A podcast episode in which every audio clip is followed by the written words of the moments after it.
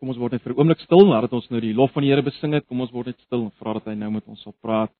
Sal werk deur sy woord en die werking van sy gees. Kom ons word net stil. Ag Here, baie dankie vir die oomblikke wat ons kan stil word voor U. Dankie dat ons die lof kon besing. Dat ons nou na U woord kan luister. Ons wil maar net vra Here dat U ons vanoggend sal oorweldig met wie is U andersheid die ander sy weer eens van u koninkryk. Gebruik dit om ons te lanceer om werklik in hierdie lewens te leef as kinders van die koninkryk. As kinders van die God wat anders is. Asseblief, Here. Kom praat met ons, kom werk met ons. Ons vra dit in Jesus se naam. Amen. Nou ja, ons is steeds besig met Markus. Ons is nie meer ver van die einde van Markus af nie. Maar ons is nog by Markus, ons is by Markus 14, ons gaan lees vanaf vers 53. Lees maar die 83 vertaling. Hulle het Jesus weggelei na die hoofpriester toe.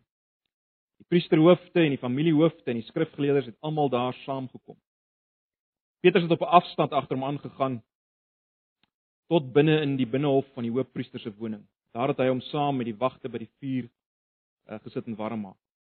Die priesterhoofde en die hele Joodse raad het geprobeer om 'n aanklag teen Jesus te kry om hom dood te maak, maar hulle het niks gekry nie.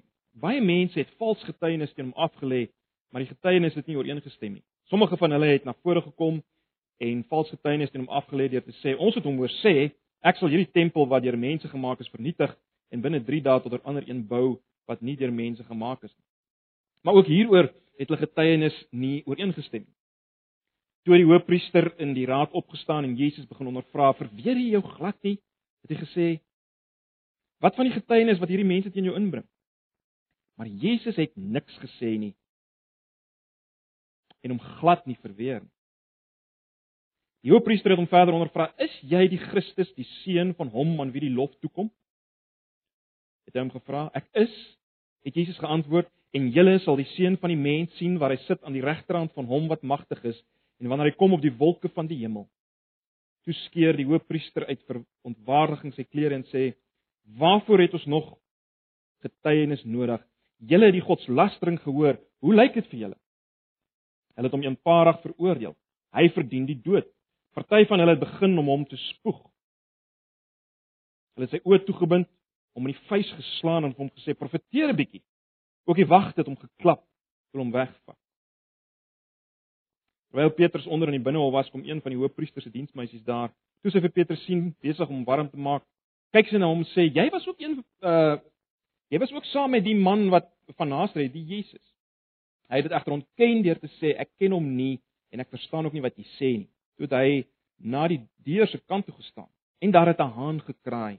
Die diensmeisie het hom gesien en weer vir die wat daar uh bygestaan gesê: "Hy is een van hulle." Maar hy het dit weer ontken. Rukkie later het die wat daar by gestaan het vir Petrus gesê: "Werklik, jy is een van hulle, want jy is mos ook 'n Galileër." Toe begin hy vloek en hy sweer: "Daardie man van wie jy praat, ken ek nie." En onmiddellik het die haan 'n tweede keer gekraai. Dit het Petrus toe bygeval wat Jesus vir hom gesê het: "Voorwaar die haan, uh, ekskuus, voordat die haan 'n tweede keer kraai, sal jy my 3 keer verloon." En hy het in trane uitgebars. Die môre vroeg het die priesterhoofde saam met die familiehoofde en die skrifgeleerdes dadelik as volle Joodse raad 'n vergadering gehou. Hulle het Jesus geboei en hom weggebring en aan Pilatus uitgelewer. Pilatus het hom gevra: "Is jy die koning van die Jode?" Jesus antwoord hom: "Dit is soos u sê." Die priesterhoofde het hom van baie dinge beskuldig. Pilatus het hom toe verder ondervra: "Verweer jy jou glad nie?" het hy gevra. "Kyk waarvan beskuldig hulle jou alles?" Jesus het egter niks meer gesê nie sodat Pilatus verbaas was. Elke Paasfees het Pilatus vir die mense een gevangene, die een wat hulle gevra het, losgelaat. Daar was 'n man met die naam Barabbas in die tronk saam met ander opstandelinge. Hulle het tydens die opstand moord gepleeg. Daar het 'n juise klomp uh mense gekom en Pilatus gevra om vir hulle uh te doen wat hulle van hom gewoond was. Pilatus vra hulle toe: "Wil julle hê ek moet die koning van die Jode vir julle loslaat?" Hy het geweet dat die priesterhoofde hom uit afguns uitgelewer het. Hulle het die mense egter opgesteek om te vra dat hy liewer Barabbas vir hulle moes loslaat. Pilatus het weer vir hulle gevra: Wat wil julle dan hê moet ek met hom maak wat julle die koning van die Jode noem? Kruisig hom, skree hulle. Waarom? Wat se kwaad het hy gedoen? vra Pilatus weer, maar hulle skreeu nog harder: Kruisig hom. Omdat Pilatus die mense hulle sin wou gee, het hy Barabbas toe vir hulle losgelaat en Jesus laat gesel en hom oorgelewer om gekruisig te word. Ons lees net so ver.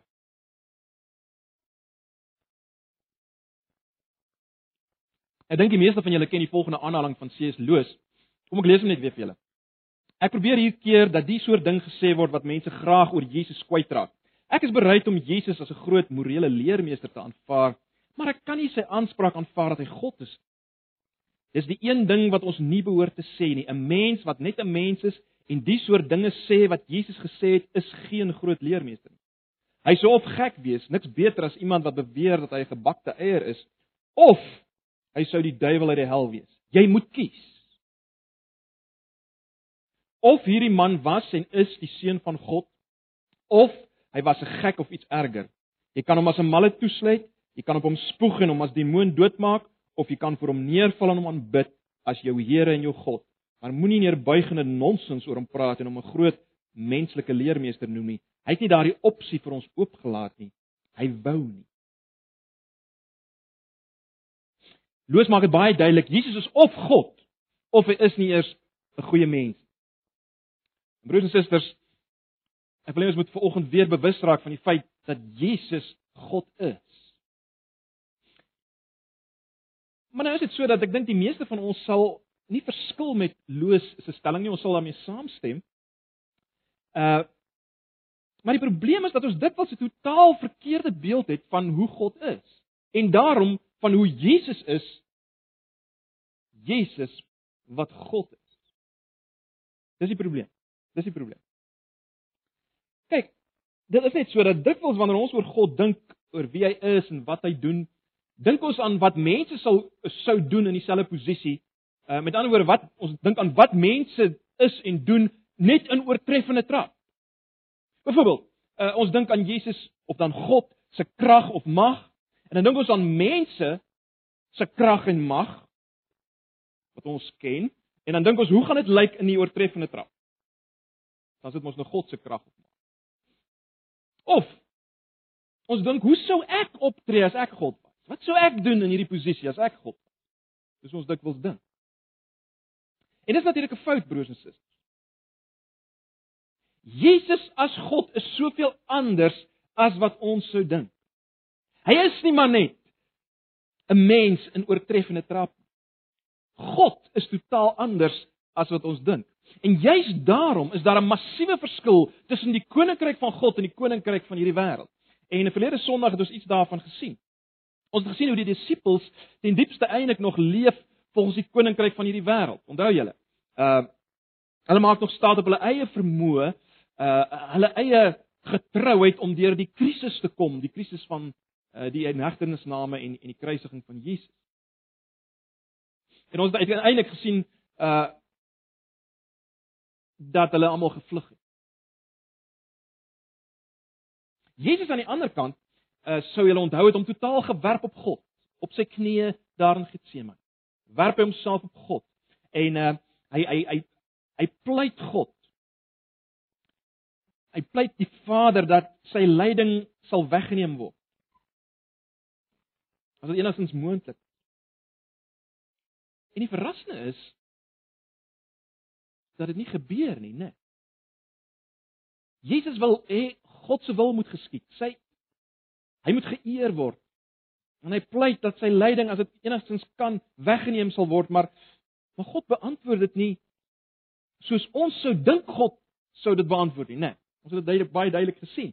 Uh, ons sou dink dat God na hierdie gebed van sy seun, sy geliefde seun wat uitroep Abba Papa, as dit enigstens moontlik is, laat hierdie lyding by my verbygaan.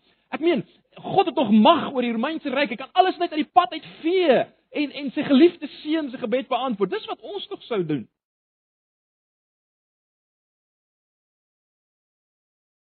Maar wat sien ons? Jesus word weggeneem met stokke en swaarde. Hy word uh, verraai deur een een van sy geliefde disippels met 'n soen nog. mees verraderlikste manier waarop jy verraai kon word. Jy sien God se wil, God se eer, God se koninkryk as jy wil lyk totaal anders as wat ons sou verwag. Dis iets wat ons moet leer as Christen. Wat ons nou gaan sien in hierdie gedeelte wat ons vanoggend gelees het, is weer eens, broers en susters, dat Jesus God is, dat Jesus koning is, maar totaal anders as wat ons sou dink. Totaal anders as wat ons sou wees as ons in dieselfde posisie waarskynlik was. Sy krag is totaal anders. Ek vertrou ons gaan weer sien dat die die koninkryk van God soos vergestel deur Jesus staan in geweldige kontras met die koninkryk van die wêreld soos vergestel in die leiers wat Jesus veroordeel. Beide die godsdienstige en die sekulêre as jy dit so wil stel. Kom ons kyk na hierdie ander se koninkryk. Kom ons kyk eers net na Jesus voor die godsdienstige leiers. Uh vers 53 tot 65. Kom ons kyk na daai gedeelte. Lig net 'n paar dinge uit. Nou, die eerste skokkende ding waarmee mense hier gekonfronteer word, is die feit natuurlik en, en ons lees so maklik oor dit, ons vergeet dit. Jesus word aangekla. Deur die kerkleiers van die dag as jy wil in ons idioom, die godsdienstige leiers. Die ouens wat die beste van die volk se godsdiens verteenwoordig. Dink ons het 'n vreeslike, het dit al gesê, ons het 'n vreeslike negatiewe siening van die Fariseërs. Hulle was gerespekteerde ouens gewees wat geleef het volgens die ou verbond. Maar Jesus word aangekla deur hulle. In ander woorde, ons kan as te ware sê Jesus en godsdienst staan teenoor mekaar hier. Godsdienst wil Jesus veroordeel. Nog iets wat geweldig hier is is dat hy gedurig valslik beskuldig word. Maar hy doen niks. Hy verweer homself nie. Dis natuurlik iets wat ons sou doen. Ek meen vir alles ons in daai posisie was. Maar Jesus doen niks nie. Hy verweer hom glad nie. As ons in die posisie was en ons het God se krag tot ons beskik uh, beskikking gehad soos Jesus, sou ons nie die, hierdie ouens eenvoudig uit die pad gevee het. Dis tog ons eerste reaksie, is dit nie? Maar Jesus doen dit. Hy's totaal anders. Ons sien hier die geweldige kontras. Die godsdienstiges van die dag is vals. Hulle is vals in hulle beskuldigings. Jesus absoluut eerlik. Uh as hy antwoord uh, op laat ek so sê as hy gevra word of hy die Christus is in vers 62 uh, dan antwoord hy baie eenvoudig ek is. Nou die blote feit dat hy sê ek is was natuurlik klaar rede waarom hulle woedend kon wees. Want julle sal weet dat wat hy eintlik sê is is dit, hy sê ek is God. Nou hy praat met die godsdienstige leiers op hierdie stadium. Hy sê vir hulle ek is die ek is van die van die brandende bos. Iemand aan Abraham verskyn het, die verbondsgod. En, en dit alreeds ons ons ons mis dit maklik, maar maar maar die ouens sou dit opgetel het. En dit alreeds is genoeg rede om om woedend te wees vir hierdie Jesus. Maar luister na die tweede deel van wat hy sê in vers 62 en 63 en en die reaksie van die hoofpriester. Hy gaan aan en hy sê en julle sal die seun van die mens sien sit waar hy sit aan die regterhand van hom wat magtig is en wanneer hy kom op die wolke van die hemel.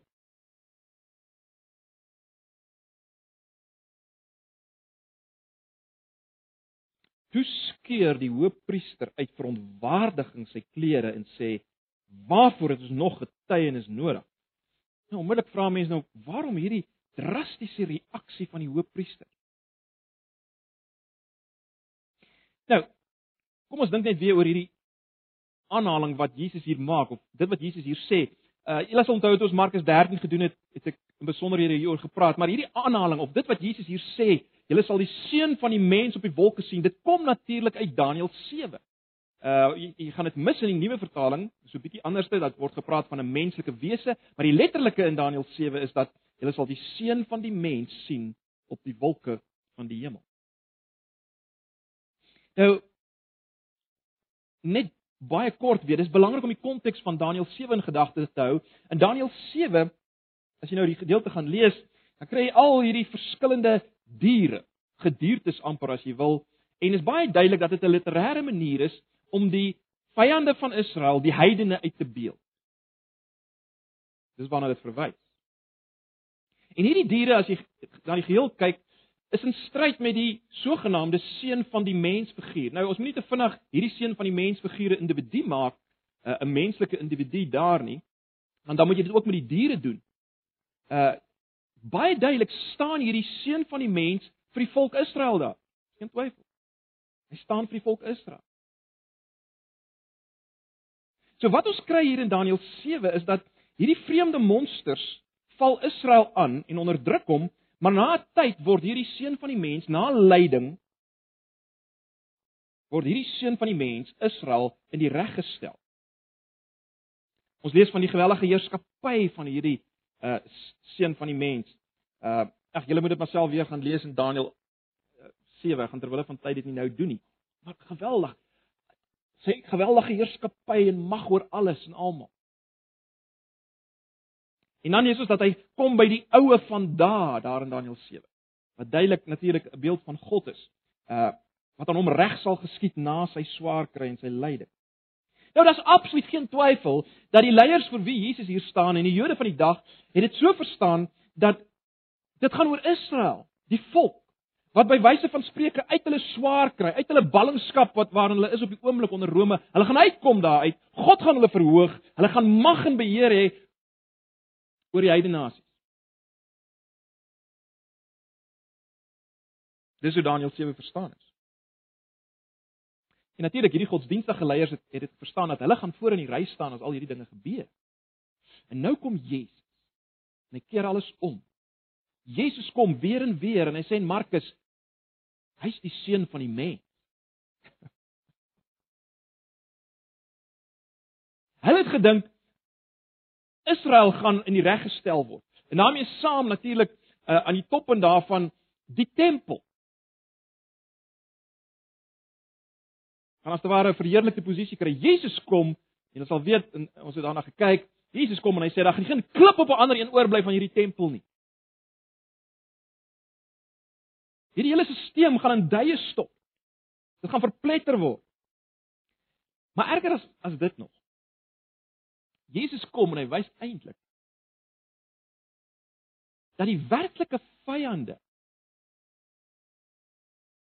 is hierdie godsdienstige leiers. Julle sal weet in hoofstuk 11 en 12 het hy dit al duidelik gemaak. Dis hulle. Hulle is die vyande en hulle is die vyande van die seun van die mens. Dis moeilik om vir ons dit in te dink broers en susters, maar dit was so totaal en deurmekaar krap van hulle hele wêreld en lewens en wêreldbeskouing op hierdie stadium. Geweldig. As hy vir die leiers sê, "Julle gaan die seun van die mens sien in heerlikheid," dan dan sê dit implikasie, "Julle is nie die seun van die mens nie. Julle gaan nie in hierdie verheerlikte posisie wees nie. Ek gaan daar wees. Julle gaan nie deel daaraan hê nie, maar julle het deel aan my verhoging juis deur die feit dat julle my laat lei en laat swaar kry wat nou besig is om te gebeur. En julle sal my uiteindelik sien in die, in 'n posisie van krag. Julle sal as te ware buig voor my in my posisie van krag. Ek wil nie weer daarop uitbrei nie. Dit het natuurlik in die eerste plek in 'n sin verwys na dit wat gaan gebeur by die val van Jerusalem. Uh by die val van die tempel as te ware. Maar omdat dit dit profetiese materiaal is, Jesus gaan ook weer kom as die seun van die mens. Die punt maar net van alles is dit. God se heerskappy. Jesus se verhoging as die seun van die mens en dis belangrik kom weer deur lyding heen. 'n Anderste pad as wat mense verwag het. Heeltemal anders as wat die godsdienstiges van die dag verwag. Heel, heel, alles is net totaal anders as wat hulle gedink. Hulle het gedink hulle gaan verhoog word. Nou hierdie een wat hulle nou gaan wil laat kruisig en doodmaak, hy sê hy gaan verhoog word. En as te ware deur hierdie lyding heen wat hulle op hom op hom gaan toepas as ek dit so kan stel. Hierdie een wat beskou is as 'n lasteraar, hy gaan verhoog word. Alles is anders. Maar goed, die die die belangrike ding wat ons moet sien in hierdie eerste deel is maar net dit. Ons moet ons moet iets raak sien van die onskynlike onskynlike mag van hierdie godsdienstige leiers wat Jesus dan wys is geen mag nie. En ons moet raak sien in hierdie gedeelte die oënskynlike swakheid van Jesus. Maar sy geweldige mag. sien dit alreeds hier raak. En dit bring ons by die tweede gedeelte waar dit nog duideliker word. In Markus 15. Ons slaan nou eers bietjie die gedeelte van Petrus oor, ons gaan wel daarna verwys. Kom ons kyk bietjie na Pilatus se oënskynlike krag wat eintlik ook swakheid is. Pilatus. Nou, tydens Jesus se aardse lewe, eh, sal julle weet, was Rome in beheer van van Israel. Uh, omdat 'n uh, Rome wêreldmoondheid was, het hulle die gebruik gehad om om uh, goewerneurs in in die verskillende gebiede wat onder hulle beheer is aan te stel. Hulle moes die orde handhaaf. Uh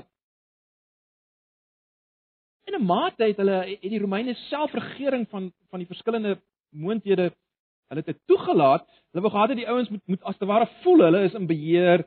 Uh hulle het 'n mate van van selfstandigheid, maar in werklikheid, weet ons, was Rome in beheer, né? Nee, in werklikheid was Rome in beheer. Hulle het al die militêre mag gehad, die ekonomiese mag. Hulle het besluit wat gaan gebeur en wat nie gaan gebeur. As ons hier in Markus 15 kom, dan staan Jesus voor die magtigste man wat hy nog voorgestaan het in sy aardse lewe. Hy staan voor die magtigste man vir hoe hy, wel, vir wie hy ooit in sy aardse lewe let wel sou staan. Nou in vers 1 al sien ons dat die Sanhedrin het nou het nou tot 'n besluit gekom om hom oor te lewer aan Pilatus. Kom ons kyk 'n bietjie wat gebeur hier. Jy sal sien Pilatus vra weer vir Jesus: "Is jy die koning van die Jode?" Jesus sê: "Wel, jy sê so." Pilatus vra dit weer 'n keer. Hy vra: "Gaan jy antwoord want as allerlei valse getuienis teen jou?" Jy word oor so baie dinge aangekla, maar Jesus antwoord steeds nie. En dit is interessant dat Pilatus is verstom. Ons moet dit raak sien. Pilatus is verstom oor hierdie hierdie man wat nie antwoord. En ek wil hê julle moet iets van die kontras sien tussen Pilatus en Jesus. Broers en susters, ons moet dit sien, die kontras tussen Pilatus en Jesus. Want in dit sien ons die kontras weer eens tussen die koninkryk van God en die koninkryk van die wêreld. sien dit raak. Nou die geleerde ouens sê vir ons dat hierdie verhoor vroeg in die oggend moes plaasvind want dit was so gewees dat die Romeinse amptenare het, het baie vroeg begin werk teen dagbreek en die rede daarvoor was sodat hulle so in die middel van die oggend kon vry wees. Lekker kon ontspan. Soos die jong mense sê hulle het dit chill, nee, weet jy nie, laat of.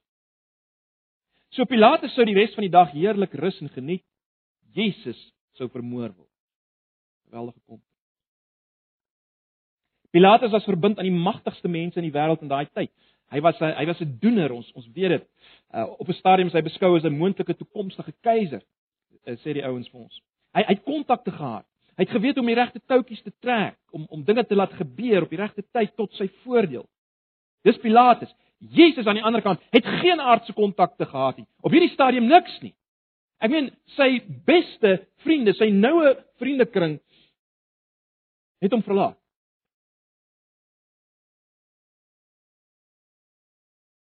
En hy het geen toegang tot enige magsfigure gehad.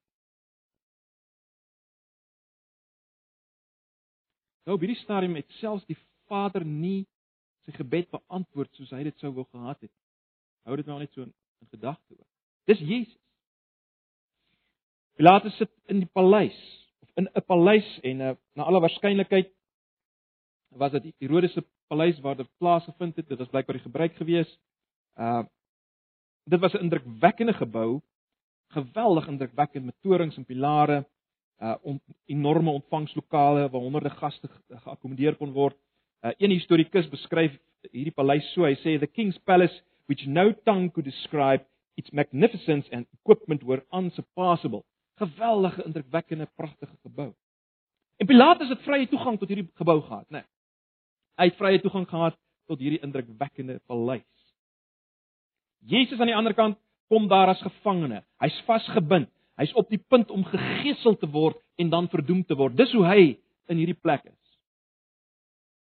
Pilatus het soldate gehad wat enige oomblik uh sou doen wat hy sê. Hy het die mag gehad om te reg te stel.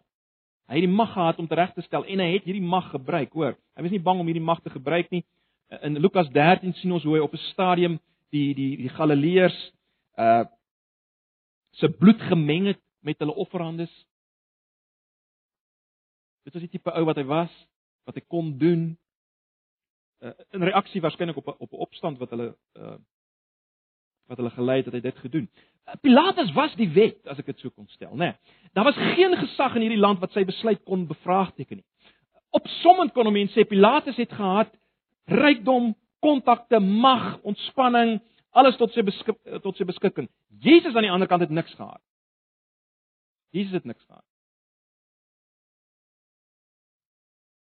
Geen geld, geen vriende, geen mag, geen vryheid op hierdie stadium. Nee. Pilatus het alles gehad waarvoor baie baie mense, eintlik die meeste mense rondom ons hulle self afsloop, is dit nie? Die ligspieeling wat die meeste mense rondom ons jag. Uh, Henry Nouwen beskryf dit so, hy sê our addictions make us cling to what the world proclaims as the keys to self-fulfillment accumulation of wealth and power, attainment of status and admiration, lavish consumption of food and drink and sexual gratification without distinguishing between lust and love. Nou ons weet nie regtig baie van Pilatus se se seksuele lewe nie, maar al die ander dinge wat nou in hier beskryf is die dinge wat Pilatus gehad het en dinge wat baie baie mense, dalk jy ver oggend ook ja die vermeerdering van rykdom en mag, die bereiking van status en bewondering, die beste kos, die beste drank. Pilatus het alles gehad. Dinge waarvoor baie mense hulle hele lewe hulle self afsloop, dit het Pilatus op hierdie stadium gehad. So Pilatus beliggaam as te ware alles wat wat die wêreld normaalweg wil hê. Die mensdom wil hê. Maar, maar maar wat sien ons in hierdie gedeelte? As mens mooi lees, broers en susters, sien mens eintlik dat Pilatus nie regtig in beheer is hier. Jesus aan die ander kant is die een wat regtig in beheer. Is dit nie is nie vreemd? Dis wat mens raak sien. Dis wat mens raak. Ons sien in vers 10 dat Pilatus die vermoede het dat die werklike rede waarom Jesus hier is is die jaloesie van die godsdienstige leiers en hy is natuurlik uh hy's reg daarin, né? En hy hy hy hy besef Jesus is nie skuldig aan hoogsverraad Maar dis hier waar mense begin agterkom, Pilatus is nie regtig vry nie, want eintlik wil hy Jesus in hierdie op hierdie stadium vryspreek want hy weet daar's dan geen kans dat hierdie ou skuldig is nie. Maar maar maar maar die mense daar buite wil hê hy, hy moet skuldig bevind word. Uh En en dis waaroor dit gaan hier in vers, vers 6 tot 15. Pilatus is eintlik nie vry nie. Hy kan nie doen wat hy wil nie. As mens aan die ander evangelies kyk, is dit baie duidelik Pilatus wou nie eintlik hier wees nie. Hy hou nie regtig van die plek nie. Al het hy die beste toegang gehad tot Jerusalem of hy het of die toegang gehad tot die beste hier, hy het nie regtig van hierdie plek gehou nie. Maar dit is baie duidelik, hy's hy's nie in beheer nie. en uiteindelik natuurlik weet ons is Pilatus verwyder uit sy pos uh Hy's haastig na Rome om homself te verdedig, maar in daai tyd sterf die keiser en ons hoor nooit weer van Pilatus nie. Hy verdwyn absoluut uit die geskiedenis. Uh hy verdwyn. Maar hy's 'n man wat onskynlik alles het. Hy het onskynlik alles. Maar selfs in hierdie gedeelte sien ons dat hy eintlik niks het nie. Daar's niks. Hy's nie regtig vry nie. Hy's nie regtig in beheer nie. Hy kan nie regtig doen wat hy wil nie.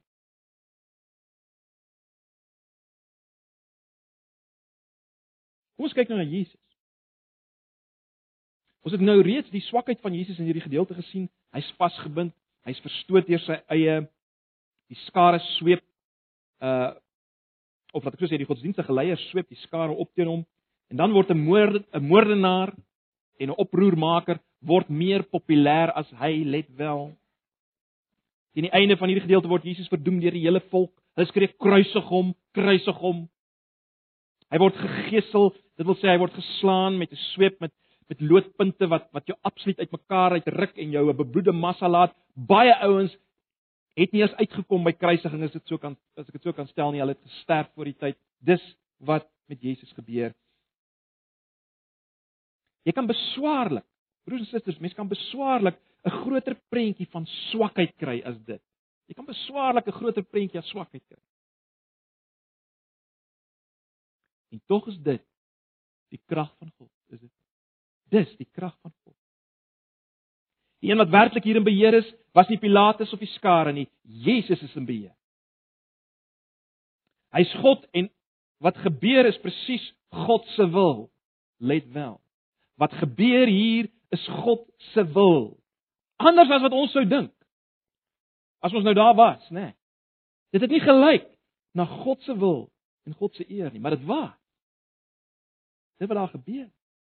God se koninkryk kom hier.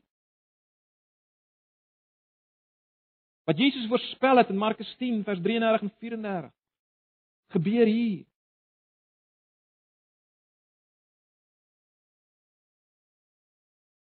Jy sien Ja, Jesus het gepleit dat as dit enigstens kan dat hierdie beker by hom sal verbygaan, maar uiteindelik weet ons plaas hy homself onder die wil van die Vader. Vir hom is die belangrike ding nie sy eie gemak nie, nie sy eie liggaamlike beskerming nie. Uh dit is vir hom meer belangrik dat God geëer word as al die dinge wat hom voorlê. Dit was sy vreugde uh, leer ons uit Hebreërs 12, né? Nee. Ons het ons het uh, verlede Sondag gekyk na Johannes 12 waar Jesus baie duidelik dit duidelik stel dit gaan vir hom vir die verheerliking van die Vader. Vader verheerlik U.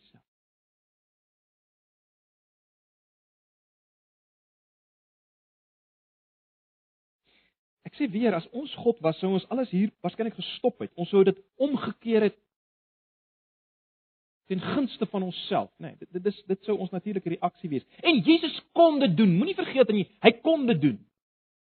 Hy kon 'n legioen engele as te ware uh tot sy beskikking hê as hy sy vingers geklap het. Hy kon dit doen om hom te bevry, maar hy kies die koninkryk van God.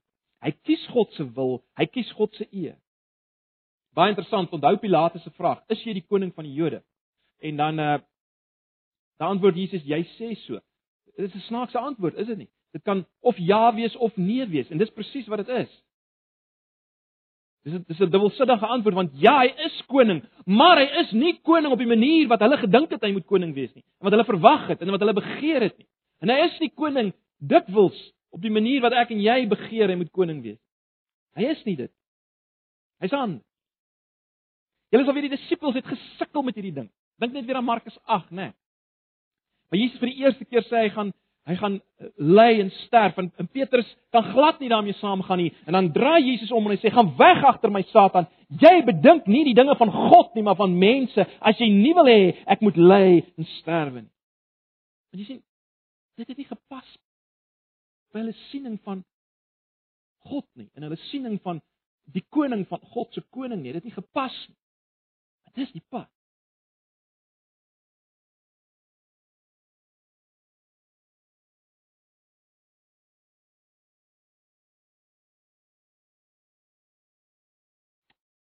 Aan die einde van hierdie gedeelte sien ons wat gebeur omdat Jesus gekies het om swak te wees. Let wel, gekies het om swak te wees ter wille van God se wil en God se eer. Dit is baie interessant as ons kyk na hierdie hierdie man Barabbas. Uh in die Aramees letterlik beteken Barabbas natuurlik seun van die Vader. Bar seun in Aramees. Abba Vader. Hy was ook seun van die Vader.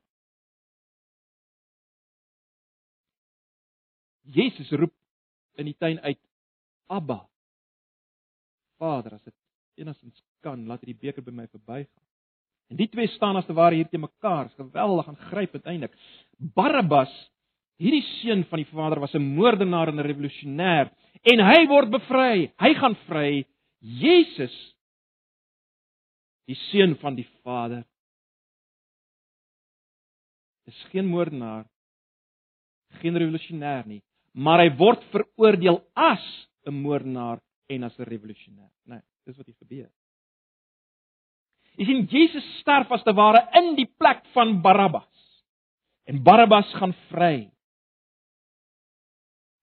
Dis dink hier aan 2 Korintiërs 5 vers 21 waar waar Paulus sê God het hom Jesus wat geen sonde gehad het nie, sonde gemaak sodat ons kan word geregtigheid van God in hom. Dis wat hier gebeur. God maak Jesus sonde. God word Barabbas. God die Seun word Barabbas. En Jesus sterf in die plek van Barabbas En en broers en susters, wat ons natuurlik moet verstaan is in 'n sekere sin verteenwoordig Barabbas ons almal, is dit nie? Barabbas verteenwoordig ons almal. Ek sal net weer iets daaroor sê. Wat belangrik is op hierdie punt is om te sien dis werklike krag. Dis werklike mag wat wat hier tentoongestel word. As jy jouself kan bevry. As jy jouself kan bevry, maar jy kies om as moordenaar en revolusionêr te sterf in 'n ander moordenaar se plek dat hy kan vrygaan as te waar. Jy jy kies dit. Jy kan dit verander, maar jy doen dit. Dit dis mag. Dis werklike krag. Dis die koninkryk se anders. Want jy sien dis die enigste manier hoe ons verlos kon word as God God wou bly. Dis die enigste manier as God die seun sou sterf as mens. Maar uiteindelik sou kon opstaan omdat hy sondeloos was. Dis waar ons die heerlikheid van God sien, nê. Nee, ons sal weer oor praat as ons as, as ons gaan praat oor die kruis, maar God se absolute regverdigheid en God se absolute liefde ontmoet in Jesus en aan die kruis en as Jesus nie hierdie pad hier gekies het nie, was dit nie moontlik. Maar belangrik, broers en susters, die die koninkryk van God, die krag van God. God werk anders as wat ons sou verwag. Dit lyk anders.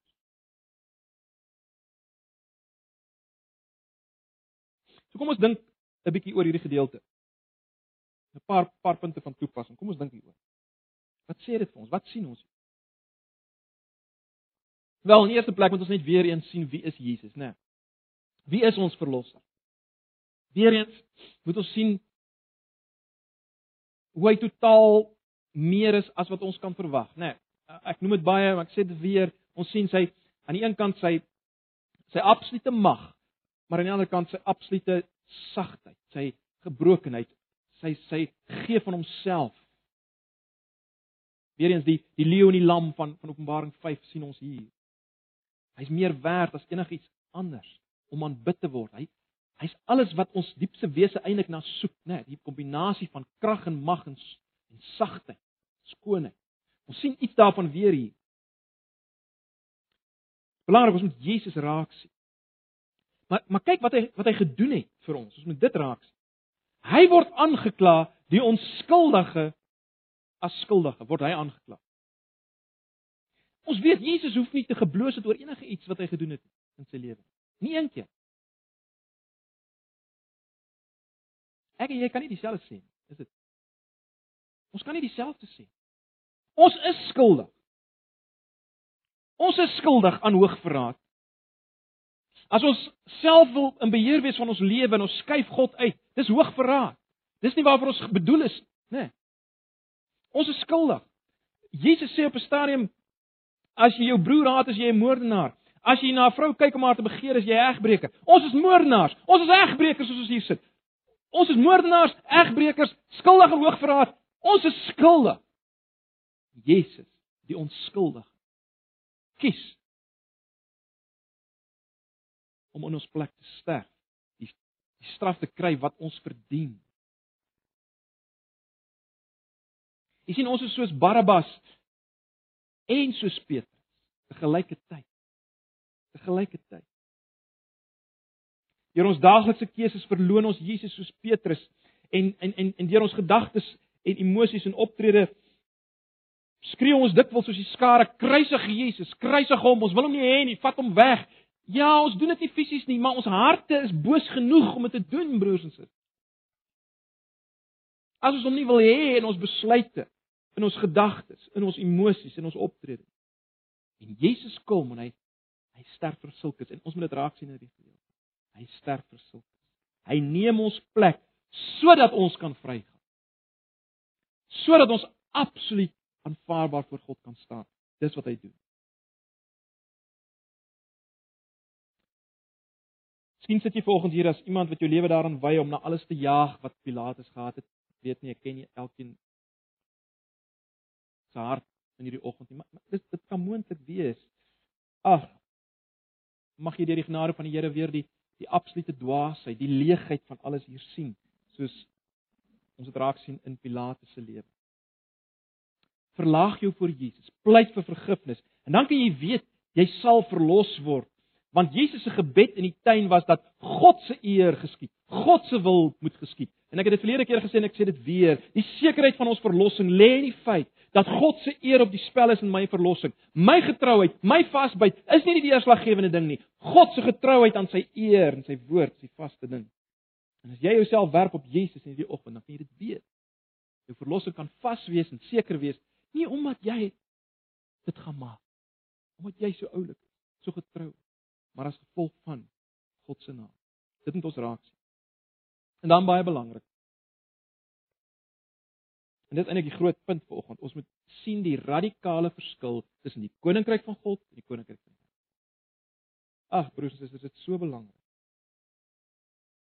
As jy wil die radikale verskil tussen Christendom en die liefde vir die wêreld, maak nie saak hoe jy dit verwoord. Ek dink as ons alles wat ons hier sien saamvat, dan dan is dit maar net weer wat Paulus sê in 2 Korintiërs 12, né? Nee. 'n Christen is sterk as hy swak is. Dis totaal nie soos die wêreld dink.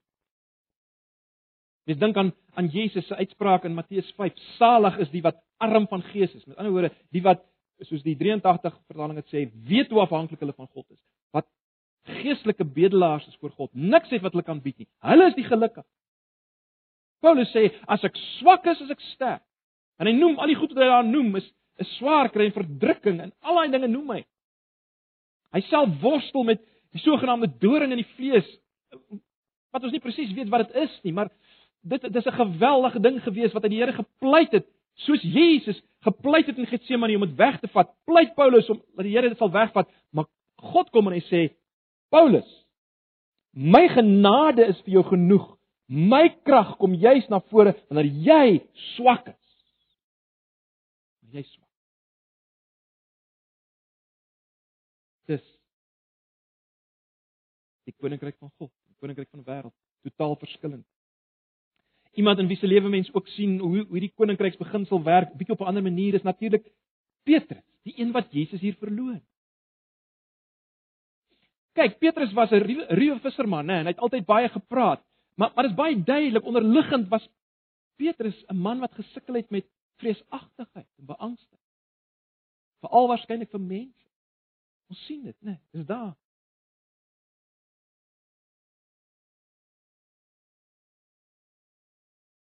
Die eerste keer sien mens al sy sy sy bangheid as as as Jesus op die see loop, né?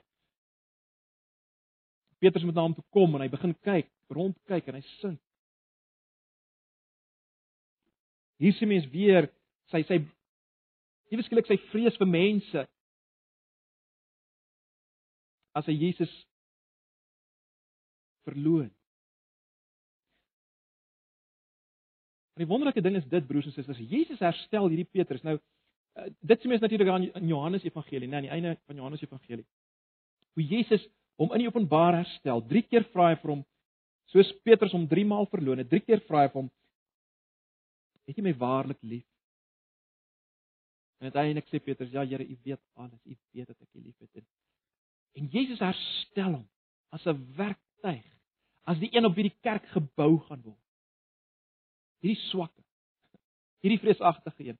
En, en terloop sy sy sy sy natuurlike geneigtheid tot tot hierdie swakheid het waarskynlik nie verdwyn nie. In Galasiërs sien ons hoe hy weer as te waarheid vrees uh die Jode wil gelukkig hou en nie saam met die heidene eet nie en Paulus moet hom aanvat. Dit was steeds Petrus en tog gebruik God hierdie Petrus in sy koninkryk met sy swakheid. Nee, en en ag, ons moet bemoedig word daar. God gebruik hom krag. Broers en susters, 'n Christen se krag lê in gekose swakheid. Sy liefde lê in swakheid. In 1 Johannes 3 vers 16 sien ons dat hierin het ons liefde leer ken dat Jesus sy lewe vir ons afgelê het. Ons behoort ook ons lewe af te lê vir ons broeders. Liefde is van die, die Christen se se liefde is 'n aflê van sy lewe.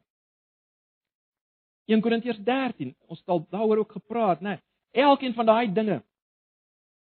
Liefde is nie opgeblaas nie. Wat beteken dit? Dit beteken ek moet sterf aan my reg om opgeblaas te kan wees oor 'n saak om nie opgeblaas te wees nie en in daai oomblik het ek lief. Jy sien, dis dis 'n dis 'n kies van 'n sterwe. 'n Kies van 'n kies om swak te wees sodat ek kan lief hê. Dis die koning. Dis die dis liefde van die Christus.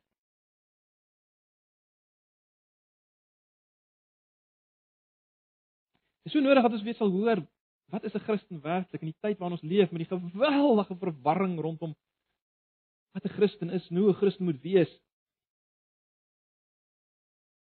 Ek wil vir julle twee aanhalinge lees uit die uit die kerkgeskiedenis uit.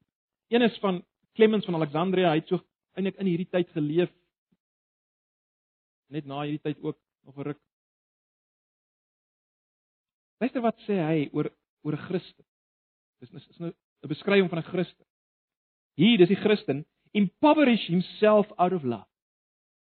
So that he is certain he may never overlook a brother in need, especially if he knows he can bear poverty better than his brother. He likewise consider the pain of another as his own pain, and if he suffers any hardship because of having given out of his own poverty, he does not complain. Dis hoe hulle Christene gesien het in daai tyd. Justinus die martelaar, 'n bekende kerkvader, het so 100 tot 165 na Christus geleef. Kyk wat skryf hy oor Christus. We, dis nou ons as Christene, we used to value that acquisition of wealth and possessions more than anything else. Now bring what we have into a common fund and share it with anyone who needs it.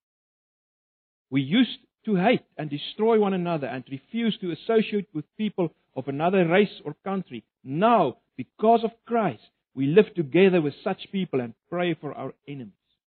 Eh, dis 'n beskrywing van hoe hulle geleef het. Dis die krag van die koninkryk. Dis die krag van Christus. En ag broers en susters, is dit nie die krag wat ons nodig het in Suid-Afrika nie, in Pretoria nie, in ons gemeente nie? Miskien sê jy, maar hoe is dit moontlik? Hoe is dit moontlik? Wel, omdat Jesus, hierdie Jesus wat ons nou gekyk het, in ons woon deur die werking van sy Gees. Dink weer aan die instelling van die nagmaal. Eet en drink my. Deur die geloof sien Jesus as kosbaar. Eet hom, drink hom en hy word deel van jou. Hy leef deur sy Gees in jou. Hy maak dit moontlik om hierdie lewe te leef, die lewe van die koninkryk wat radikaal anders is as die lewe van die wêreld. Ag mag die Here die gedeelte gebruik om ons maar net weer eens uit te daag, te vertroos, te versterk. Uh, dalk sit jy vanoggend hier met 'n stryd en 'n worsteling met jou swakheid. Onthou as jy swak is, is jy sterk. Hou dit. Daar waar jy juis dink God is nie, soos jy nie sou dink hy is op Golgotha toe Jesus daar hang nie, maar dis waar God gewerk het. In hierdie oomblik dink jy dalk God is nie hier nie. Hy's nie hierdie situasie van my nie. Hy's nie hier werksaam nie. Moenie soos die wêreld dink. God werk aan. Ag, mag die Here ons hierdeur bemoedig en versterk. Kom ons bid. Ag Here, baie dankie vir u woord. Dankie vir u self. Dankie dat u God is. Maar ook totaal anders is. Nie soos ons is. Dankie dat ons vanoggend kan weet dat as ons swak is, is ons sterk in U, in die Here U dankie daarvoor, Here Jesus. Mag die genade van ons Here Jesus en die liefde van God, gemeenskap van sy Heilige Gees by julle wees en bly in midde van julle swaarkry, in midde van die pad wat ons hier moet stap tot hy weer kom. Amen.